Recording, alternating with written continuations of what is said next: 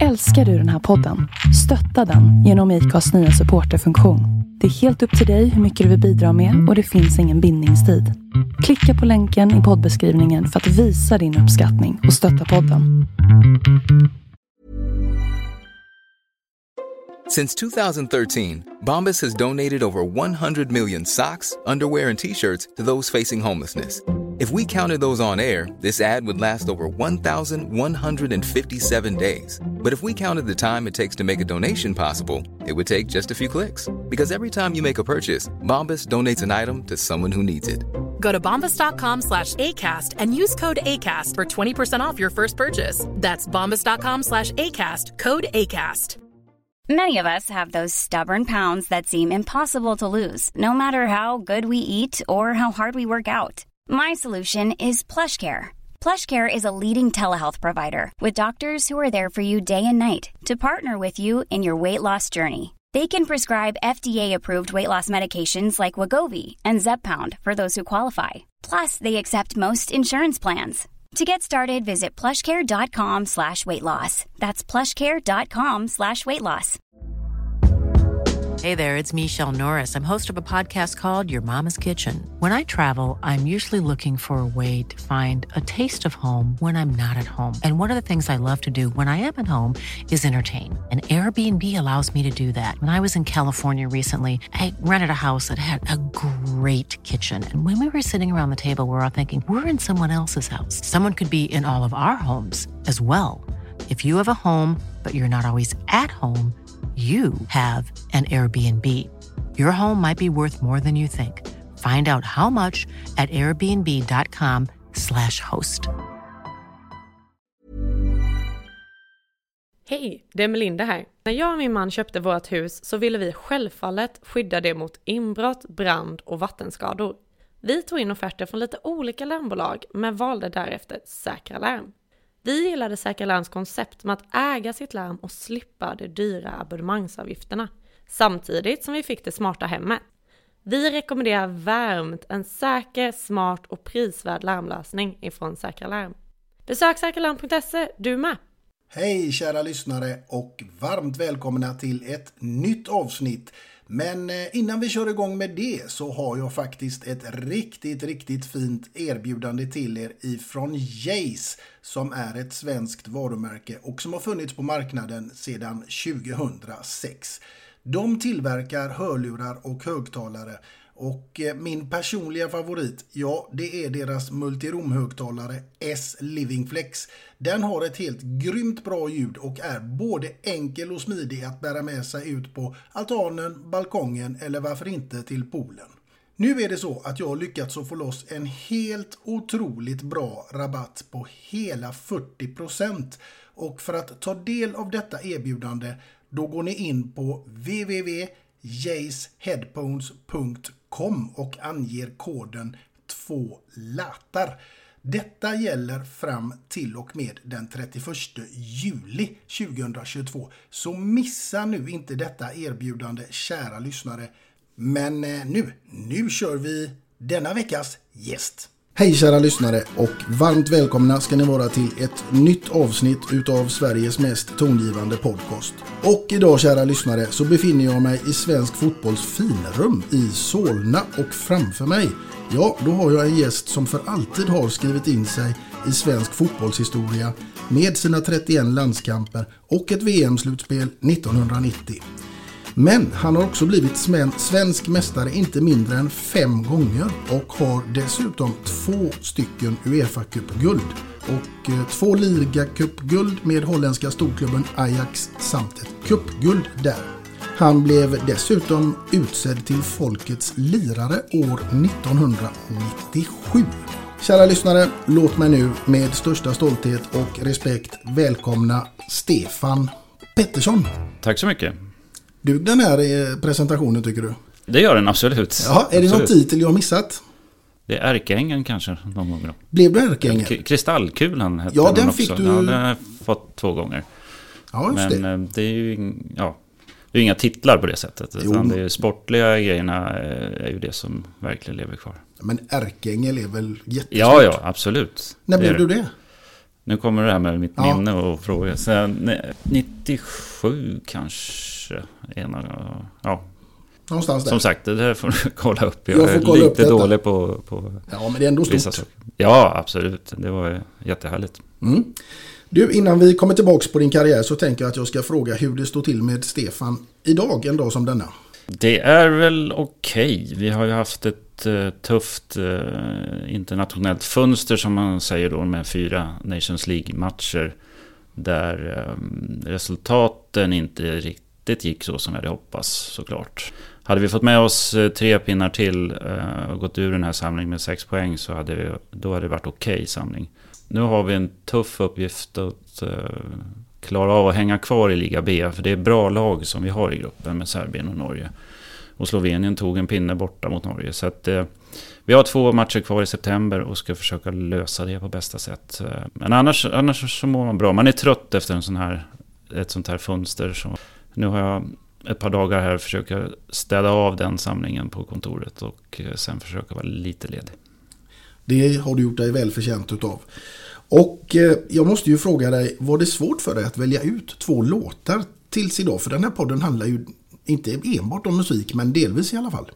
Uh, inte jättesvårt. Jag är inte så här super uh, så att jag följer det jättemycket eller lyssnar på något speciellt. Men uh, musik är på ofta hemma såklart. Och det är avslappnande i vissa lägen och roligt i vissa lägen. Så att, det var inte jättesvårt. Nej. Det får du väl höra sen antar jag. Ja, det får vi göra då. Du, jag tänker att musik är ett eh, ämne som sagt var som berör oss alla på ett eller annat sätt oavsett om man är musikalisk. Hur berör musiken dig rent allmänt?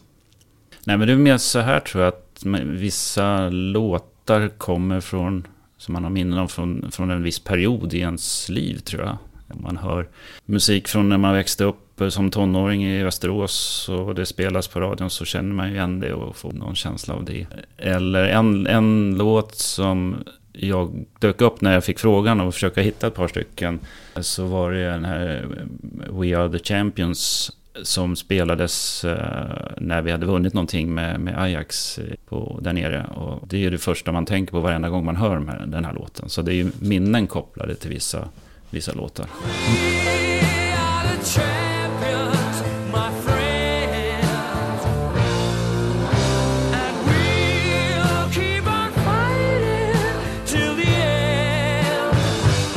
Vi ska komma in mer på det sen. Men du är ju född den 22 mars 1963 och uppväxt i Västerås. Ja, född och uppvuxen. Flyttade när jag hade fyllt eh, 19, eller skulle fyll- fylla 19, till Norrköping. Mm. Yes. När kom fotbollen in i, i, i ditt liv? Eh, ja, när jag föddes tror jag. Ja, det var så. Ja, ja. Pappa, eh, min pappa spelade i, eh, i Västerås, Jag gjorde ett par år i AIK faktiskt här i Stockholm. Och då fanns det också eh, någonting som hette B-landslag på den tiden och, och det gjorde han ett par sådana också. Så att han, fotbollen var hans liv och min mor var också väldigt idrottsintresserad. Spelade handboll på hyfsat bra nivå. Spelade korpfotboll och sånt där. Så att fotboll har varit hela tiden. Storebrorsa spelar fotboll. Och det är mer eller mindre uppvuxen med och född med ska vi säga. Mm. Du, vi nämnde ju här i din presentation att du har gjort 31 A-landskamper. Men när jag tittade så kunde man ju se att du har ju varit med i de flesta landslag eh, innan ett A-landslag också. Ja, just det. Jag har faktiskt varit med i alla landslag som fanns då. Det har jag. Så Mm. att, eh, det var ju från, från Halmstadslägret som det hette på den tiden. När man var 15 och sen lyckats få, få vara med i allihopa. Och det, det är roligt och, och gått den vägen. Du var den här killen som alltid hade fotbollen på pakethållaren på cykeln eller? Ja, det hade jag väl. Plus en basketboll. För jag spelade mycket basket också som ja, under skoltiden. Mm. Ja, du har en helt otrolig karriär i alla fall, det får man lov att säga. Och ibland undrar jag liksom om vi här i Sverige ibland förstår vilken karriär du har, eh, inte minst då i Holland. Eh, en del säger så. Och det är klart att det, det är annorlunda nu. För nu blir man ju uppdaterad på alla möjliga och omöjliga sätt om vad som händer ute i världen och inom sporten. Eh, men alltså då var det mer, det var tidningar och så fick man läsa dagen efter kanske om, i bästa fall. Så att det är klart att idag blir allting mer liksom examat. Men jag tänker inte så mycket på det. Utan det är, jag vet ju själv vad, vad jag gjorde där nere och eh, i Blåvitt också såklart. Men eh, hur, hur känd eller hur, hur bra det har varit i Holland, det kanske inte alla vet om såklart. Men alla är inte intresserade heller. Så. Nej, men jag tänker just att det, alltså det, vissa spelare får de här stora, eh, alltså de blir så stora på något sätt. Någonstans där så, inte för att smöra för dig på något sätt, men du borde tillhöra, alltså du borde ha fått det epitetet på ett annat sätt kan jag tycka, medialt om inte annat. För att du var ju helt fantastisk. Dennis Bergkamp har ju sagt att Stefan Pettersson är den bästa gubben jag har spelat med. Ja, men det var dyrt kan jag säga. Jag får honom att säga det. nej, det, nej, men han, alltså det, för mig är det ju de som jag eh, har spelat med och eh, tränat under och, och, varit i de klubbarna. Uppskattningen från dem är för mig det viktiga. Sen är det ju roligt naturligtvis att bli uppskattad från om man springer på någon på gatan eller någonting sånt. Det är ju självklart. Hellre det än tvärtom. Ja, absolut. så, så är det ju. Men jag, inte, jag söker inte det på det sättet tror jag heller riktigt själv. Jag, jag vet vad jag har gjort och jag vet vad de som har varit nära mig tycker om mina prestationer och mm. vad jag har varit med om. Så mm. det, för mig räcker det. Ja, du är väldigt ödmjuk, det får man lov att säga. Alltså, man är väl som man är. Ja. Men jag kan ta ett annat exempel också faktiskt här. Du känner ju honom. Eh, som, det är också en kille som jag tycker borde ha fått ett helt annat erkännande än vad han fick egentligen. Han heter Jerry Karlsson. Också en fantastisk fotbollsspelare, inte ja. en landskamp. Nej, precis. Han var ju en oerhört eh, stabil, bra eh, fotbollsspelare, precis som du säger. Och gjorde andra bättre så, utan att själv kliva fram i något rampljus på något sätt. Men, men det är väl samma där, vi som spelade med honom eh, vet ju. Mm. Och eh, hur bra han var. Så att, ja, ja. Det är absolut en av allsvenskans bästa mittfältare på den mm. tiden. Mm. Du, eh, vi ska gå tillbaka lite grann till ämnet musik. För nu tänker jag fråga dig, vad är ditt absolut första musikaliska minne från en tidig ålder som du kan komma ihåg? Oj, det var svårt. Jag sa ju till dig innan vi drog igång det här att mitt mm. minne är inte det, det absolut bästa. Men jag tror att det blir det är konstiga, det, det blir nog mer från tonårstiden. Och eh, Prince mm. eh, lyssnade jag på. Sen när man var, som jag sa i tonåren, man var ute på disco. Så, så var ju allt, alltså ett roligt minne, det är den här Baccara-eran som var under några år. Så här.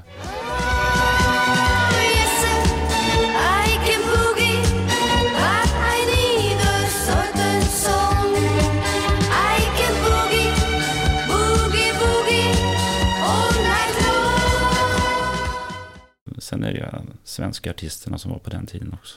Mm. Ja, det finns en del att välja på. Ja, det gör det nog. Om jag får några minuter på mig att tänka till så kanske det dyker upp fler. Mm. Du kan fundera på det lite för nu ska vi faktiskt berätta också för lyssnarna att vi sitter här på Svenska fotbollsförbundet i Solna i, i Stockholm. Och eh, Stefan, du måste ju ha ett av Sveriges häftigaste fotbollsjobb. Ja, det har jag definitivt. definitivt. Sen eh, är det nog mycket i det som eh, folk inte vet eller tror. Eh, jag, jag, får ju ofta frågan vad jag, vad jag gör här. och för att göra det enkelt eh, förklara så är jag säga att jag är som en lagledare för, för ett lag. Det gäller att fixa och dona med allting runt omkring själva sporten. För där är det ganska tydlig uppdelning att sport, sportsliga delen är ju Janne och, och Peters eh, avdelning.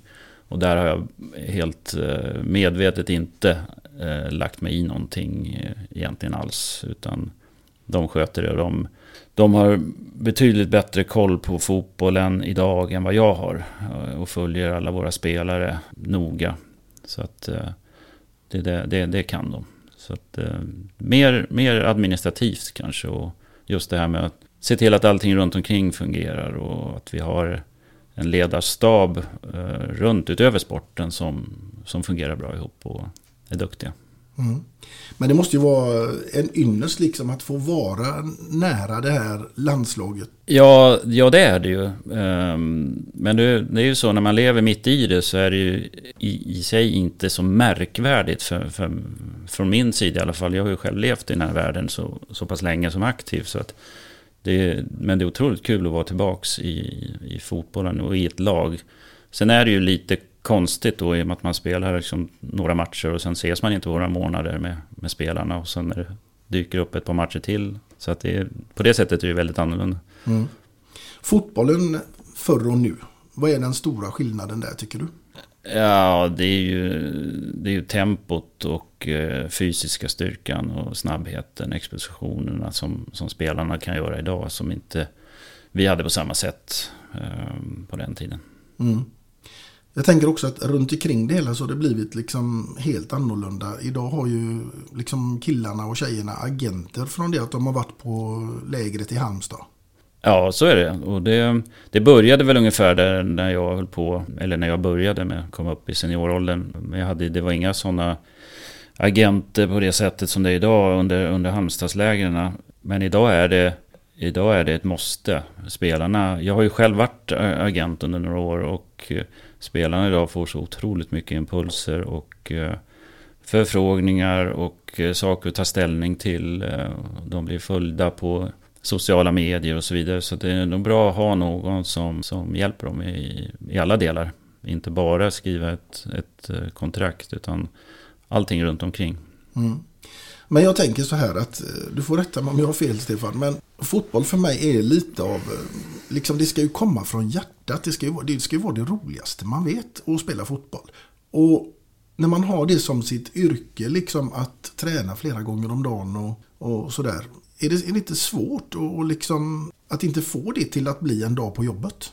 Nej, alltså jag tror ju att de flesta som är uppe på elitnivå, de, de har ju i stort sett alla har ju börjat med det någon gång bara för att det är roligt och, och eh, det är det bästa man vet och vill hålla på med det. Det är, det är ju grunden och det, det har flera av dem med sig även upp i senioråldern. Sen kommer det väl något, något tillfälle där det kanske mer blir som ett som ett jobb. Men har du, inte, har du inte glädjen då kommer du inte att nå hela vägen ändå. Så att den, den finns där, det gör den.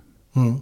Jag sa det till Stefan Rehn, jag gjorde honom här nu i podden, att jag tyckte att han var en sån spelare som representerade just det där att man med passion, liksom man kunde se när han spelade att han spelade inte bara för att, utan han tyckte det var så jäkla roligt. Ja, ja precis. Och det, det tyckte jag med. Alltså jag tyckte det var grymt roligt att eh, träna också. Naturligtvis inte varje, varje gång. Man hade väl perioder där det var mindre roligt också. Men eh, att träna och, och, spela matcher, det var, det var det roligaste jag visste. Även när jag var i slutet av, av min karriär så tyckte jag fortfarande det var kul att gå och träna. Och kunde man då slippa också ha, ha ont någonstans så, så var det bara roligt. Ja, precis. Du, det blev ju 31-0 landskamper för dig. Jag tillhör nog de som eh, skulle skriva på ett papper på att du borde haft några fler. Ja, om man tittar på det i efterhand så hade jag önskat att det var fler också. Men eh, i ärlighetens namn så gjorde jag väl inte mina bästa matcher i, i, i blågult. Det var väl några som, som var bra. Men det var, det var ju ganska bra konkurrens också i laget då. Men eh, jag ser det som, jag var ju, jag var ändå med och aktuell under tio års tid. Och har man gjort 31 landskamper på tio år så är det lite lite. Det, det kanske är. Men jag, fick, jag hade också lite skadeproblem till och från och tackade nej till några samlingar och sådär. Så att jag är fullt nöjd med de 31. Jag är inte nöjd med målproduktionen men Fyra eller fem blev det, varav jag gjorde de flesta sista året. så det var lite skumt. Sen fick jag inte vara med, jag kanske inte skulle ha gjort målen.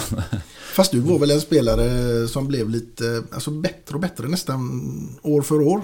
Äh, det kan man ju hoppas kanske. Man blir ju bättre i och med att man förstår mycket mer och, och, kan ha mer erfarenhet ju äldre man blir. Så, så att jag, jag har väl mer varit så här att har jag kommit till en klubb så, så, och få vara där ett tag så då blir det bra, eller blev bra. Lands, landskamper kom ju lite, inte så tätt som sagt. Och där är det lite svårt, där måste man nästan prestera och lyckas visa varje gång. Och där får man liksom inte tre, fyra matcher på sig utan Nej. kör. Och, och det är kanske det jag inte lyckades med riktigt. Nej. Men som sagt, jag, det fanns andra fotbollsspelare som var ganska bra på den tiden också. Det var det absolut. Du, jag tänker att vi ska gå tillbaka lite i tiden för du var ju som sagt var i Västerås men sen hamnade du i Norrköping. Ja, det gjorde jag. Och där spelade du ett tag. Ja, i två och ett halvt år blev det där. Jag gick till Norrköping då, det var ju ett etablerat lag. Man hade varit i Allsvenskan, har jag kollat efteråt, då, eller fick reda på efteråt, i, jag tror det var 68, 69 år i rad i Allsvenskan.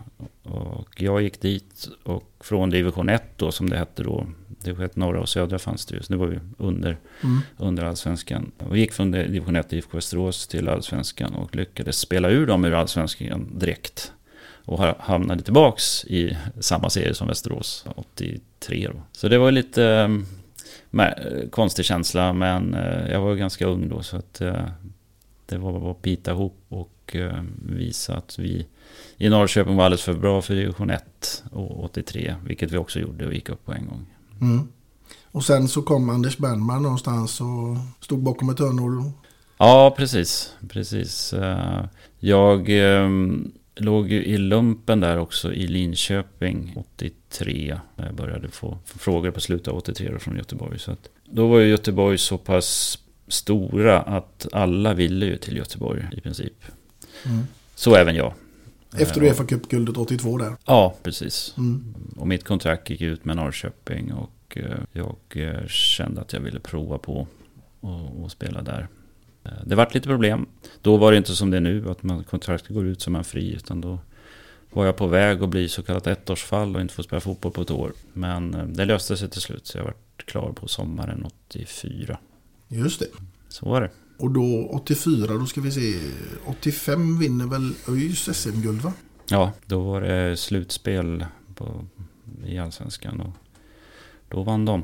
Mm. Yes. Och sen är du med och vinner Uefa-cupen för andra gången med IFK Göteborg då. Första gången för dig men Ja. med IFK Göteborg. Ja.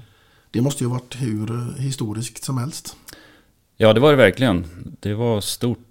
Det är oftast så känner man väl att andra gången man gör någonting är nästan svårare än den första. För då borde de europeiska klubbarna ha koll på IFK Göteborg som vann 82. Men eh, vi lyckades göra det 87. Vi hade ju jäkla bra lag eh, 86 också. Där med, när vi gick långt i Europa Cup 1. Nuvarande Champions League om man ska jämföra kanske. Mm.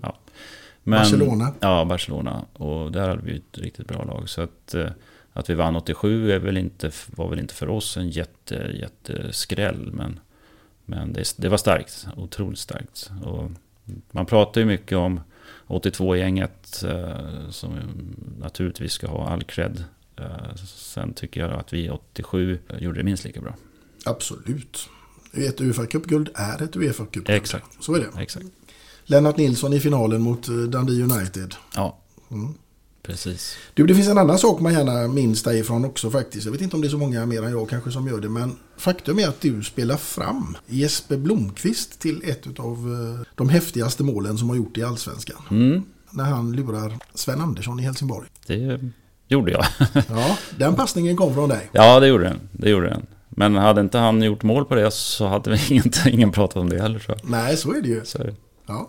Så du var inte bara en målgörare, du var också en gedigen framspelare.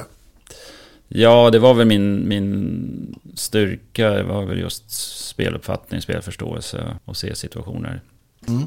Och det var väl en sån. Jag satt faktiskt på hotellet igår och kollade på eh, klipp på dig från Ajax-tiden inte minst. Va? Okej.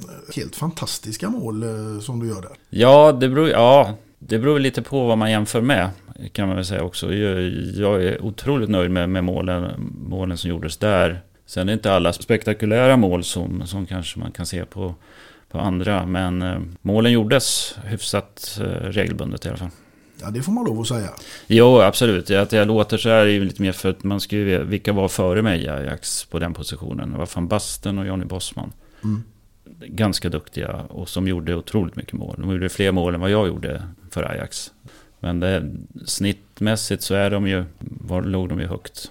Eh, Ja. Och jag nådde inte upp till det. Men de värdesatte andra saker hos mig med tiden. Så att eh, jag var ju den spelare jag var. Jag var inte den utpräglade målskytten som kunde dribbla några gubbar och, och hänga dit den liksom. Utan det var mer att vara på rätt position vid rätt tillfälle.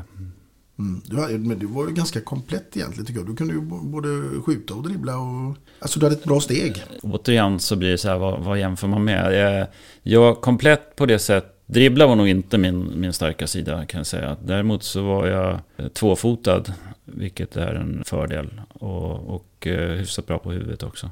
Så att eh, på det sättet komplett. Mm.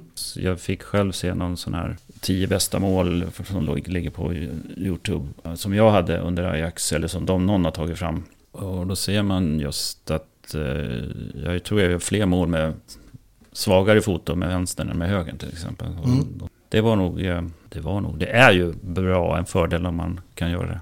Mm. Du gör alltså 151 matcher och 77 mål för Ajax? Ja, det är ligan då. Ja, det är Mm. ligan. Ja, precis. ja, det snittar på, på 0,5 eller något sånt där. Och det gjorde jag, ja, om man räknar med de andra Europacuper och, och eh, inhemska cupen så blir det 200, på, 200 matcher och 100 mål ungefär. Mm. Kan skilja någon där. Du hade en ganska lång karriär ändå och hyfsat skadefri fick du vara också. Ja, lång karriär hade jag, om man nu räknar seniorfotbollen på, på 20 år, så försvann det nog ändå ett par år på skador. Mm. Men eh, det får man nog tycka är ändå okej. Jag hade ju jag hade en korsbandsskada som, som tog eh, sju månader och eh, det var väl den, den värsta skadan under karriären. Sen fick jag ju samma korsbandsskada 99, tidigt 99 som gjorde att jag inte kom tillbaka sen. Mm. Men som sagt var, du har ju blivit eh, erkänd och det gjorde du ju inte minst på Fotbollsgalan 1997 då du blir folkets lirare. Mm, just det. Det var, det var kul. Ja, men det är ju ett erkännande som heter duga. Ja, det är det. det, är det. Om jag minns rätt så vi var väl tre nominerade där och då... Jag tror det var Fredrik Ljungberg, eh, Ung och så Bosse Wålemark och jag. Det var de jag slogs mot. Mm. Men det, vi hade ju haft eh, bra perioder i, med Blåvitt och Champions League och allt det här. Så att, eh, det hjälpte nog till. Du, om vi ska ta ett minne nu ifrån din stora, långa karriär. Vad skulle det bli? Ditt allra bästa minne? Ja, den här är så svår för det, det, finns, det finns så många enskilda minnen från, från olika saker. Liksom. Så det, jag, jag kan inte säga en, ett minne utan det är mer så här en, en, någonting jag känner att jag upplevde som mest. Det var ju sättet vi spelade fotboll på i Ajax när jag kom dit och fick vara med ett tag. Och den filosofin man hade. Jag kände nog lite grann så, jag var ändå 25 när jag flyttade dit och hade vunnit en del redan hemma och varit med om en del. Så att, men det kändes någonstans har jag känt att det var där jag lärde mig hur man bör spela fotboll. Och det minnet sitter ju hårt. Sen har du ju enskilda med vinster i Blåvitt och, och i Ajax titlar. Men även ungdomssidan. Man vunnit fotbollens dag i Västerås. Alltså sådana här grejer som, som verkligen sitter kvar. Ja. Så det, det går inte att säga ett, ett minne. Nej. Sen har jag ju min, min avtackning på Ajax sista match. eh, Där får man ju rysningar när man ser bilder ifrån. Mm. Så det var helt fantastiskt. En publik som står upp och skanderar ditt namn. Ja, det, det, det, det slängs alltså blombuketter runt hela arenan. Jag får ju göra ett varv runt. Och det fullkomligt regnar ner blombuketter. Eh, Och sen efteråt med hyllningar och tal och från ordförande och eh, lagkompisar som lyfter upp en. Och så. Det, det var magiskt. Svårt att gå till en eh, vardag på jobbet efter det liksom. En omställning. Ja, det vart ju, omställningen var ju att komma tillbaka till Blåvitt och spela där, vilket var jätteroligt också såklart. Så det, var, det var ju min vardag, det var ju att spela fotboll. Och efter man blev helt professionell i Sverige då. Mm. För det var jag ju inte förrän jag kom tillbaks. Mm. I Blåvitt är du definitivt en av de största spelarna i den historieboken. Ja, det är ju, det är ju fantastiskt. Blåvitt har många stora spelare. Så att det, det är härligt att vara, få vara med i det gänget. Ja, absolut. Du, nu ska vi ta oss tillbaka lite grann här till, till ämnet musik eh, och faktiskt eh, lite fantasi också för det ska bli ganska roligt att ställa den här frågan till dig. Det är nämligen så här Stefan, tro det eller ej, men du är i final i Let's Dance. Jag vill veta med vem du hade dansat och vilken låt detta scenario nu hade du fått utspela sig till. Ja, har du. Den var, den var inte lätt. Jag skulle ju välja en låt här sen, har jag också fått höra. Mm. Eh, Men ena låten är från en, en film med Lady Gaga och Bradley Cooper. Mm. Så därför tänkte jag nu, Lady Gaga kanske man skulle ta en dans med. Men eh, det är ju inget dåligt val. Nej, det är det inte. Nej. Eh, och vilken låt hade det fått utspela sig till då? Ja, Justin Timberlake gjorde ju en, en låt för något år sedan med ett uppträdande som var på scen som var eh, kanonkul att se. Can't Stop The Feeling. Jag såg den på video eller på YouTube. vad det var. Jag tycker det var så skön stämning på den scen när de framförde den.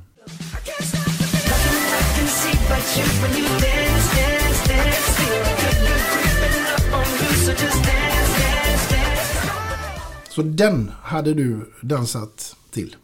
Ja, jag har nog försökt i alla Ja, ja. Nej, men det här tror jag Tony Ja. Irving hade gillat också faktiskt. Bara ingen ber mig göra det nu. För... nu, nu kommer de att ringa Ja, just det. TV4 Just det. sen. Ja, just det. Du, vi tar oss ifrån det scenariot till någonting helt annat. Därför att nu är det så här att du ska åka till en öde ö och du ska vara där i ett helt år. Och du får bara ta med dig en enda platta dit. Vilken skulle det bli? En enda skiva. Mm. Ja, då skulle det nog bli eh, en platta med Prince, med Purple Rain och de här låtarna.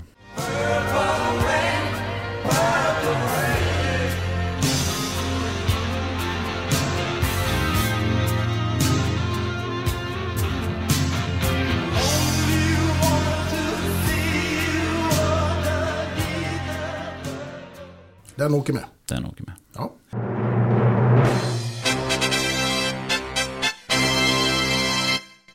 Ja, Stefan, det var signalen för fem snabba kallas detta. Okej, Är du eh, redo? Eh, det är jag. Vara bäst bland de sämsta eller sämst bland de bästa? Vara bäst. Bäst bland de sämsta?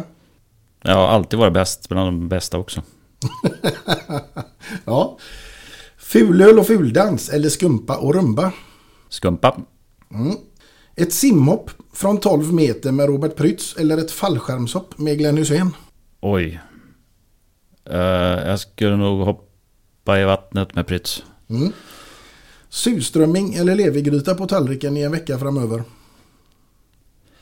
Inget av dem. Här är alternativmetoden. ja, levergitarr. Ja. Programledare för Bonde söker fru eller Antikrundan? Antikrundan. Ja, det, alltså, det, det var ju ganska snabba svar faktiskt. Ja. Ja, det var lite tveksamt där med Prytz och Hysén eller? Ja, roliga gubbar båda två. De har du gjort ett antal landskamper ihop med. Ja, och eh, lite Blåvitt också. Blåvitt också. Var Prytz med i Blåvitt samtidigt som dig? Ja, det var. Ja. Du, eh, nu ska vi se. Nu är det nämligen så här Stefan att nu är det dags för dig att få presentera ditt första låtval som jag är extremt nyfiken på. Inte minst med vem det skulle kunna vara och vilken låt och gärna varför också. Det, det är väl ganska enkelt. Jag har en, en ehm, um, son, Fästmö, som eh, har gjort en massa låtar som heter Sofie. Och eh, hon har haft ett artistnamn som heter Esther Valley. Så en, en av hennes låtar, och den här heter Times Up. Otroligt duktig, såklart. Så den, det, hon gör musik som, som man kan sitta och njuta av i lugn och ro. Till ett glas rött. Det, det händer. Du, då tycker jag vi tar och kör den låten här nu. All right.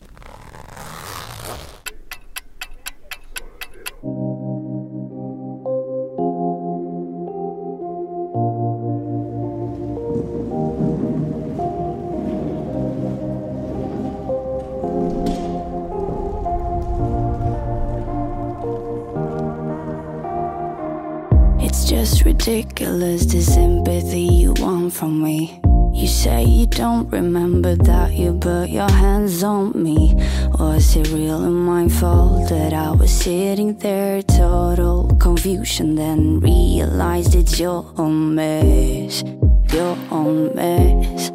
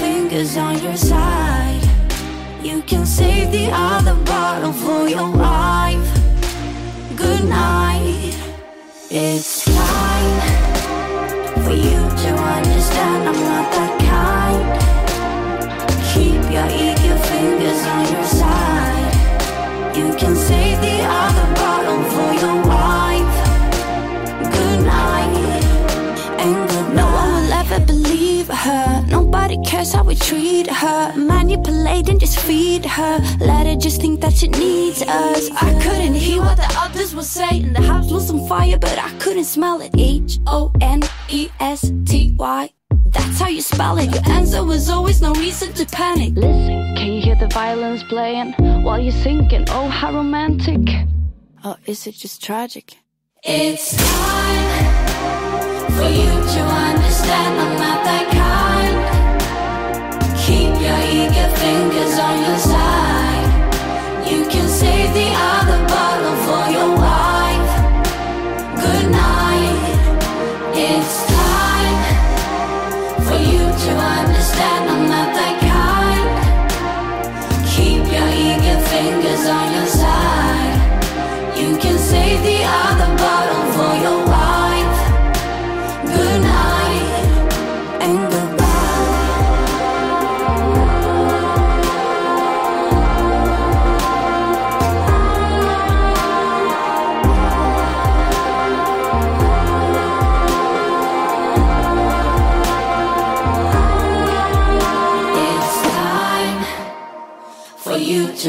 understand I'm not that kind.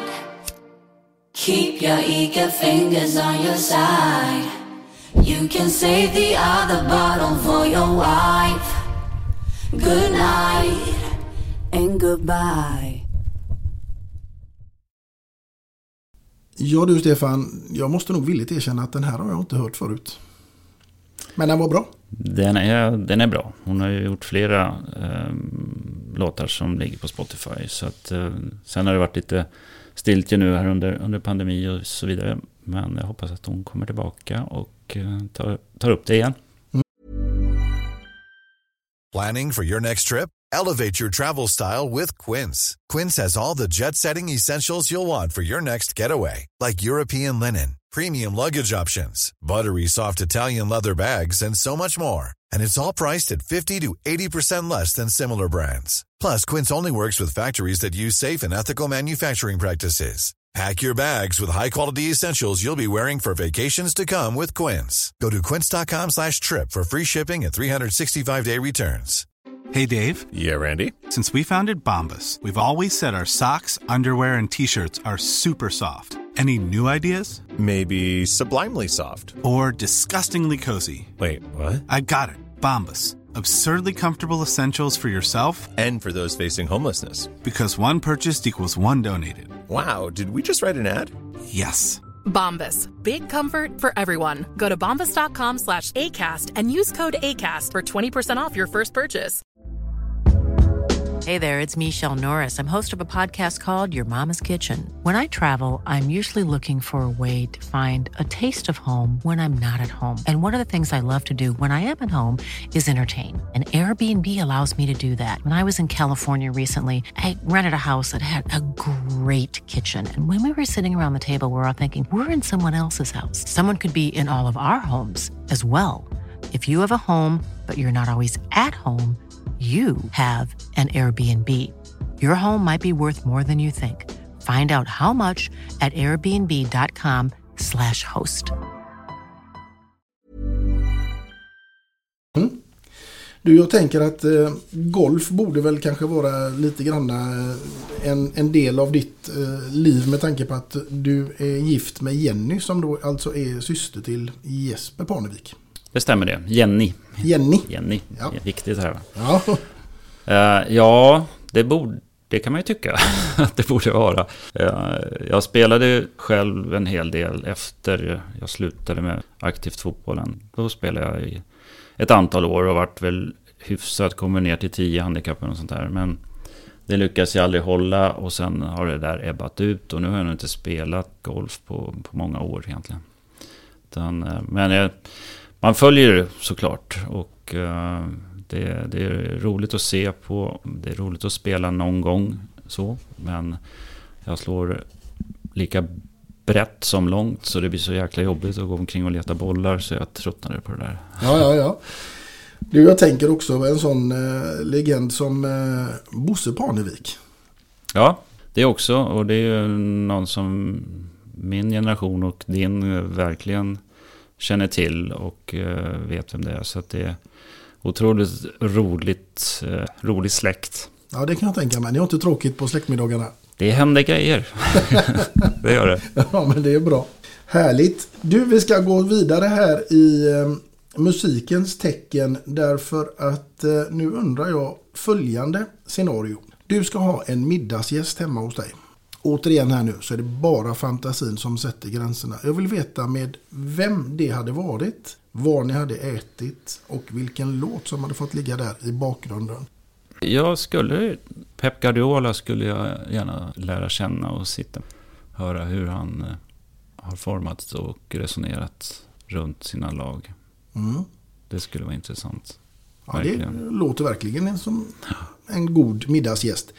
Du, vad hade du bjudit han på till middag? Nu är det du som ska laga maten. Ja, det är väldigt bra på att laga mat. Inte. Nej, men jag tror jag hade överraskat där. Vi har under senare år ätit mer vegetariskt än traditionellt som man kanske gör. Så att jag skulle nog be min fru som är fantastisk på att göra såna här grejer. Laga till någon väldigt god vegetarisk variant och se vad han tyckte om det. Han kanske är det själv. Jag vet Mm. Och vilken låt hade fått ligga där i bakgrunden nu då till den här fantastiska middagen? Uh, måste jag välja en låt? Jag, jag är oftast där när jag ska sätta på någon musik hemma så hittar jag någon uh, spellista med en viss genre. Och jag tycker det, de här uh, lugn, chillig musik i bakgrunden eller lite reggae som bara hörs. It's gonna be a bright,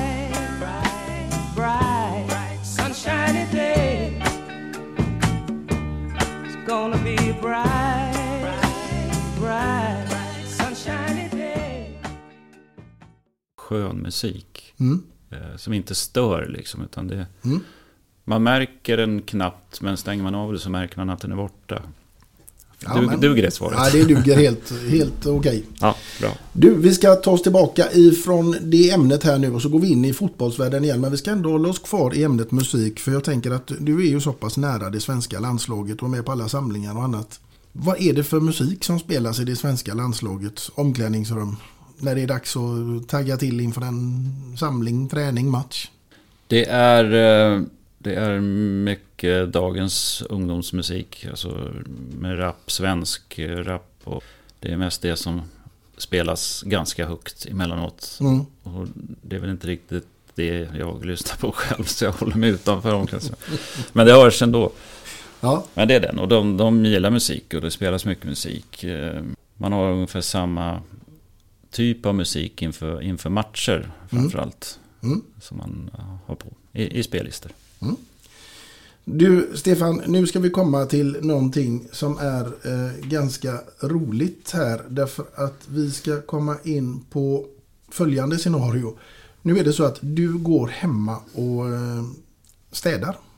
Radion är på. Och helt plötsligt så dyker det upp en låt som får dig att känna nej, inte en chans. Det här åker rakt av. Det, vad blir detta? Ja du, hårdrock tror jag, alltså när det börjar låta så pass mycket så då byter jag nog. Då byter man. Ja. Ja.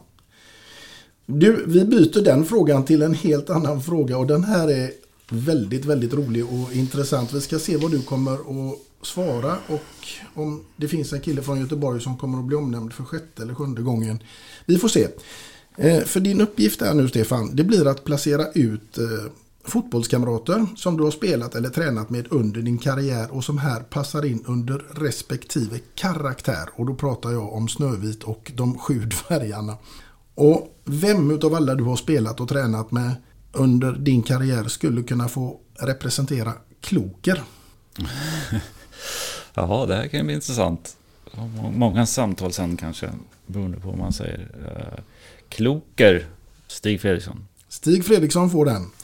Vi tar oss ifrån Kloker till Toker. Ja, vem tror du? Ja, eh, Jag tror att en del har sagt Hussein förut kanske. ja Ravelli har fått den också. Ja, men det finns många. Han kan nog vara med på de flesta här sen, tror jag. Både klok och tok. Ja, Men Hussein får Toker. ja det får han. Mm. Då går vi till Trutter.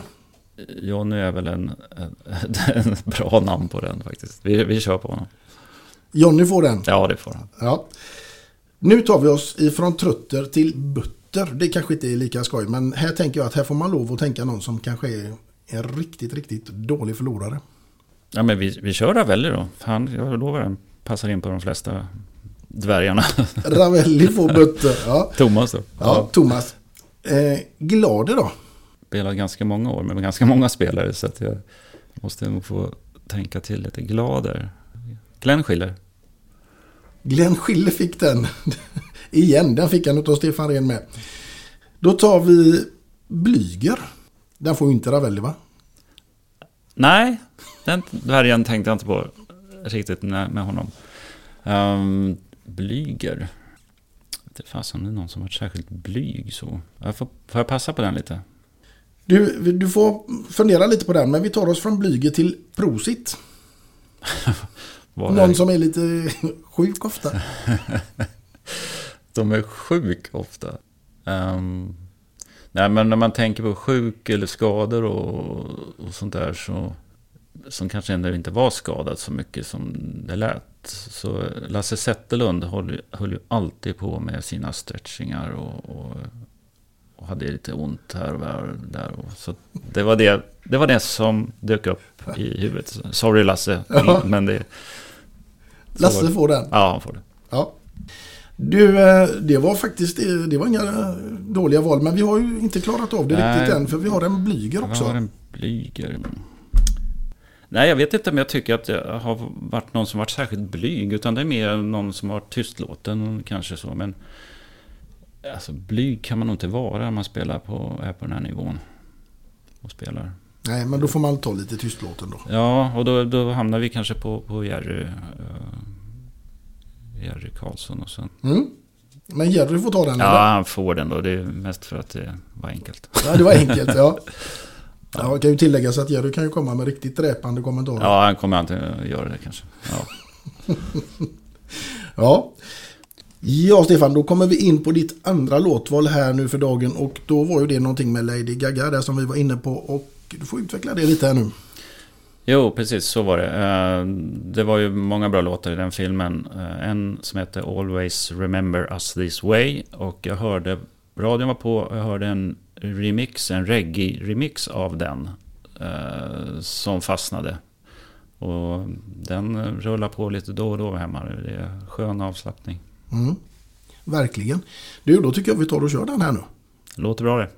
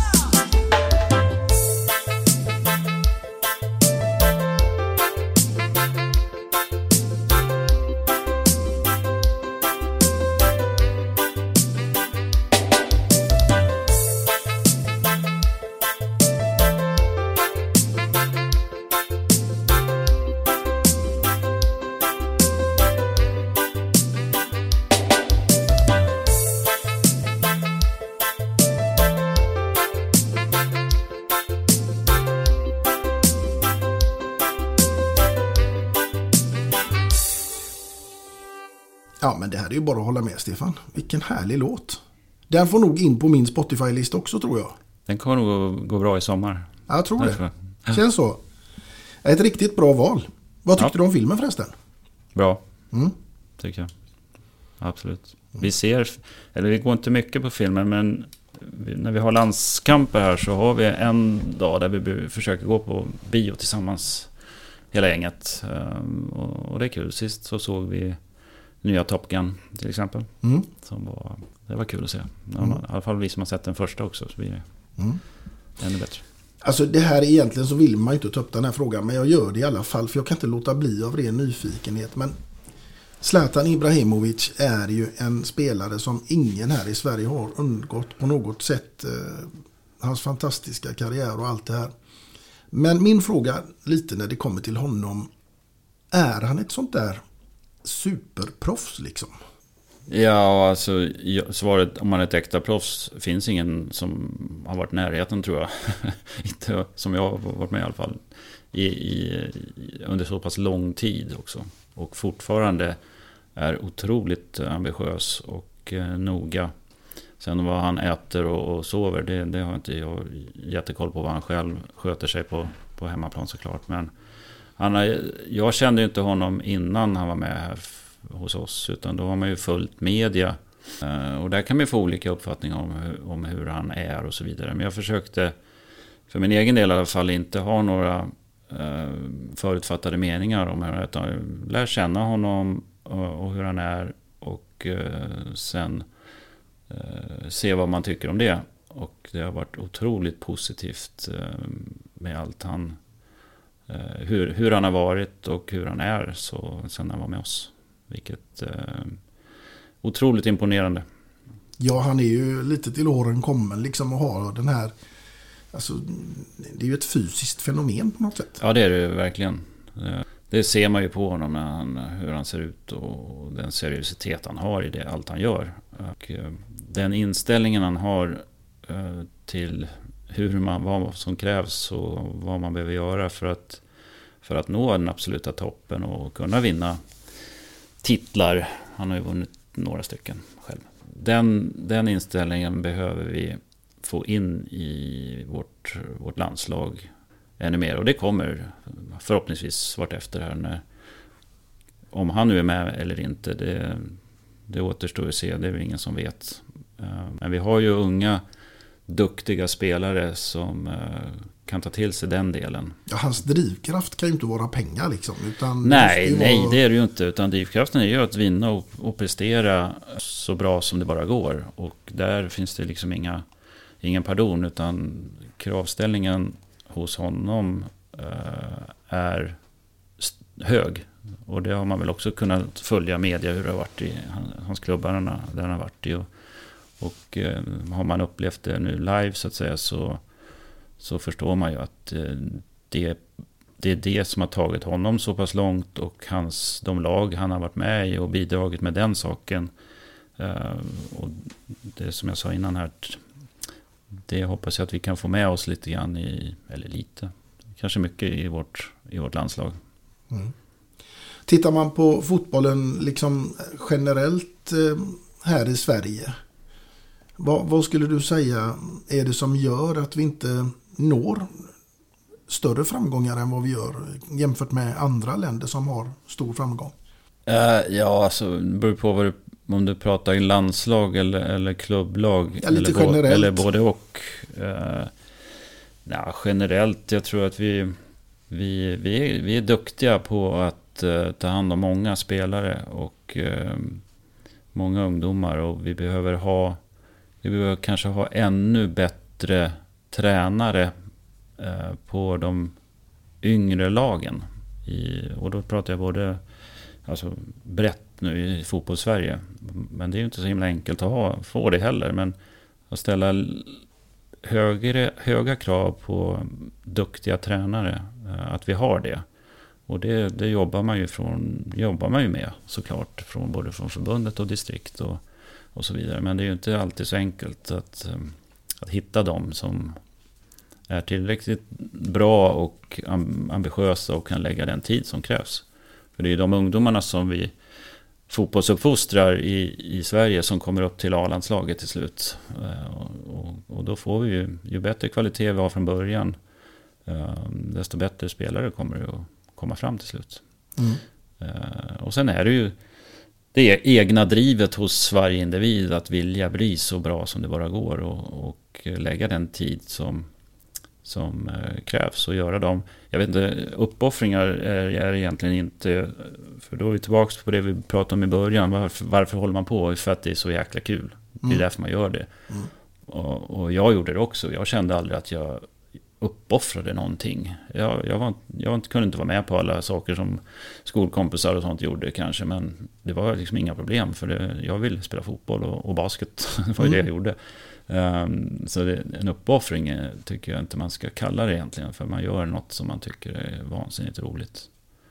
Ehm, så det, det, det är slut. Sen är vi ju, vi är ju ett, ett litet land befolkningsmässigt. Eh, Och det får man ju också med sig. Och framförallt är det, ut, vi, vi, det är så utbredda. Ett stort avlångt land. Så ett land som Kroatien är inte så stort heller. Men Nej. de har bra spelare. Mm.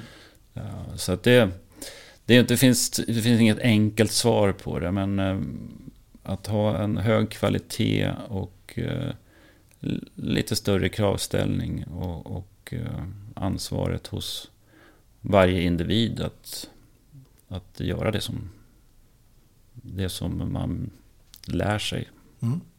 Jag tänker också så här, nu kanske det sitter någon här eh, som spelar i division 3 eller 4 eller 5 kanske till och med. Och är runt en 18-19 år. Är det för sent att bli en bra fotbollsspelare och kanske till och med komma med i landslaget då? Nej, det är det inte. Det, du kan spela division 3 och är 18 år och, och eh, eh, göra det bra. Alltså brinner du, brinner du tillräckligt mycket och har naturligtvis kvaliteter, då är det absolut inte för sent. I, Nej. min, I min värld, så som jag ser det. Men Mm. det, det svåra blir ju för de här att det, det är många runt omkring som kanske påpekar att det är för sent eller att eh, varför går du inte dit eller dit. Utan man får ju se, det är ju individuellt varje, varje person hur, vilken väg de är inne på och eh, är beredda att ta. Det, det är inget konstigt. Jag har, jag har en son själv som är, nu är han 23, fyller 24 i höst. Eh, han han var i Djurgården 2019 och flyttade sen och spelade i division 1 och division 2. Eh, och gjorde det bra. Division 2 hade kunnat... Ja, de gick upp i division 1 sen så kunde han ha fortsatt och kommit kanske i superettan. Nu var han tvungen att sluta på grund av lite hjärnskakningar och sånt. Men om man bara tittar på hans resa så hade han kunnat fortsatt upp i superettan allsvenskan kanske, när han var en bit över 20. Så det är absolut inte för sent. Nej, det är bra. Då, eh, sen är det ju så här att man ska ju naturligtvis ha en tränare eller ledare som tror på en också. Ja, det, men återigen, det är nog mer att, viktigare att han, är, tränaren, är riktigt duktig. Sen får spelaren se till att han tror på honom. Mm. Det var ett bra Zlatan-svar. Ja, Ja. vi har ju varit i samma klubb ett tag. Ajax ja. ja. Inte samtidigt dock, men samma klubb. Nej, vad är det som gör den klubben så speciell jämfört med många andra? Är det någon speciell filosofi som du blir inpräntad när du kommer dit liksom? Ja, det är det ju lite grann. Det är ju sättet man spelar och tränar på. Man ställer höga krav. Man tar i, spelare i ungdomslagen, de vet ju vad som gäller. Liksom. Att man är där för att det är en e- elitklubb och eh, eh, resultaten, eh, eller inställningen till vad man håller på med är, är att, att man ska bli bäst. Mm. Man har duktiga tränare på, på alla nivåer. och eh, lär upp dem på det sättet. Och sen har man ju sin sätt att se på fotboll som har varit, inte exakt samma, men ganska lika under många, många år. Mm. Och det sätter sina, sina spår. Man tar ju in tränare för, som följer det här eh, och har det, ungefär samma inställning. Så att, eh, men det finns flera klubbar som, som gör på samma sätt, eh, eller liknande sätt i alla fall i andra länder också. Och även i Holland så är det andra akademier som är väldigt, väldigt bra Ehm, och fotbollen är ju störst där och det är den ju i Sverige också men vi har många andra saker också som vi håller på med. Mm. Ehm, ja. Ja, det här är ett in intressant ämne. Det skulle man kunna sitta och prata hur många timmar som helst om. Men nu är det så här att vi börjar närma oss slutet på den här podden. Men innan vi slutar så, så ska vi gå tillbaka till ämnet musik. För nu ska jag fråga dig. Vem skulle få skriva låten eller eventuellt visan om Stefan Pettersson? Det kanske min, min son Sesme skulle få göra. Som Ja, det- känner mig bra. Ja, vad hade den handlat om tror du? Roliga gubben skulle jag tro. Ja, Ja. ja det, Men det finns ju en... Ja, jag- menar inte att jag är rolig jämt, men det blir snällt när det kommer sådana Göteborgsskämt ibland så, så suckar de och säger en rolig gubbe. Ja. Även här på kontoret. ja, sitter det kvar några sådana gamla klassiska Göteborgsskämt i det? Nej, inte, inte skämten så. Jag är dålig på st- historia, utan det blir mer kommentarer på någonting som sägs. Och då blir det sån här typiskt Göteborgsgrej. Typ. Men Det var ju- mig inte dra några exempel, det bara kommer. Ja. Men det var mycket sånt i omklädningsrummet Ja. i Göteborg. Ja, herregud. Har, jag har haft roligt. Vi har haft roligt. Ja, helt klart. Du, eh, nu är det så här att jag tänker fråga dig lite granna om hur dina morgonrutiner ser ut. Ja, jag är ganska morgonpigg. Eh, Och som det har varit nu senaste tiden så är det att eh, vakna till, gå ut med hunden, eh, komma tillbaka, käka frukost, ge hunden mat, åka till kontoret. Mm. Och sen är jag här vid, på kontoret vid eh, halv åtta, halv nio tiden. Innan dess så när vi inte behövde gå ut med hunden så kunde jag vara klockan sju på kontoret. För, men det har lite med trafiken i den här stan att göra så att man vet att man slipper sitta i kö för länge. Mm, smart. En Mm. taktiker i alla lägen. Ja, precis. Ja, inte bara på plan. Ja, det är spelförståelsen. Ja, så är det. Du, det jag fiskade efter med den frågan det var om kaffe var en viktig del för dig på morgonkvisten. Nej, det är det inte. Eh, Det blir mer när man kommer hit till kontoret som eh, den koppen dyker upp. Och då får jag ju hoppas att den här muggen som jag tänker ge dig här nu med två låtar och en kändis och ditt namn ingraverat. Den här klassiska muggen som alla gäster får. Jag hoppas att den kanske här på kontoret får, får fylla din kaffestund. Tack ska du ha. Det är helt perfekt. Jag går omkring med, med eh, pappersmuggar mest hela tiden. Men nu, kan jag, nu ska jag verkligen ställa fram den här. Ja men det tycker jag låter som en god idé. Det är det. Du, då har vi bara en enda fråga kvar här innan vi rundar av. Och det är också en fråga som alla får. Och det är vad innebär ordet livskvalitet för Stefan Pettersson? Jag vet, jag tror de flesta säger väl någonting om att, eh, att man själv ska må bra och ens nära och kära ska må bra. Det, och har man den, kan man känna den tryggheten så, och, och slappna av i det så är nog den, om man ska sätta en livskvalitet så, så är det nog det. Mm. Ja, det är en ganska komplex Som fråga. man skulle vilja ha. Ja, precis. Sen har ju... Jag tror alla eh, mer eller mindre har någonting som, som gnager eller som är jobbigt i ens vardag. Eh, Men man, man skulle nog önska det i alla fall. Som, om man nu fick sätta och ha den perfekta livskvaliteten så är det väl det. Mm. Klokt svar ändå tycker jag. Med det sagt kära lyssnare så är det faktiskt så att det är dags att avrunda detta poddavsnitt för denna gången. Och det har varit fantastiskt roligt och en stor, stor ära Stefan att få ha med dig här som gäst i denna podcast. Tack, en ära att få vara med. Mm. Och eh, till er kära lyssnare så säger jag som vanligt att vem som sitter framför mig nästa gång det återstår ännu att se. Men tills dess så får ni ha det så bra. Hej då! Hej med er alla.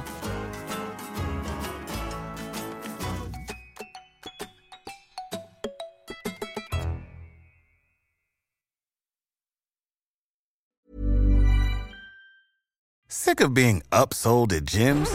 My guy, you're currently a base member. For $90 more, I can upgrade you to our Shred membership. For 130 more, you'll be a Swole member. And for just $300 more, you'll reach Sweat Platinum.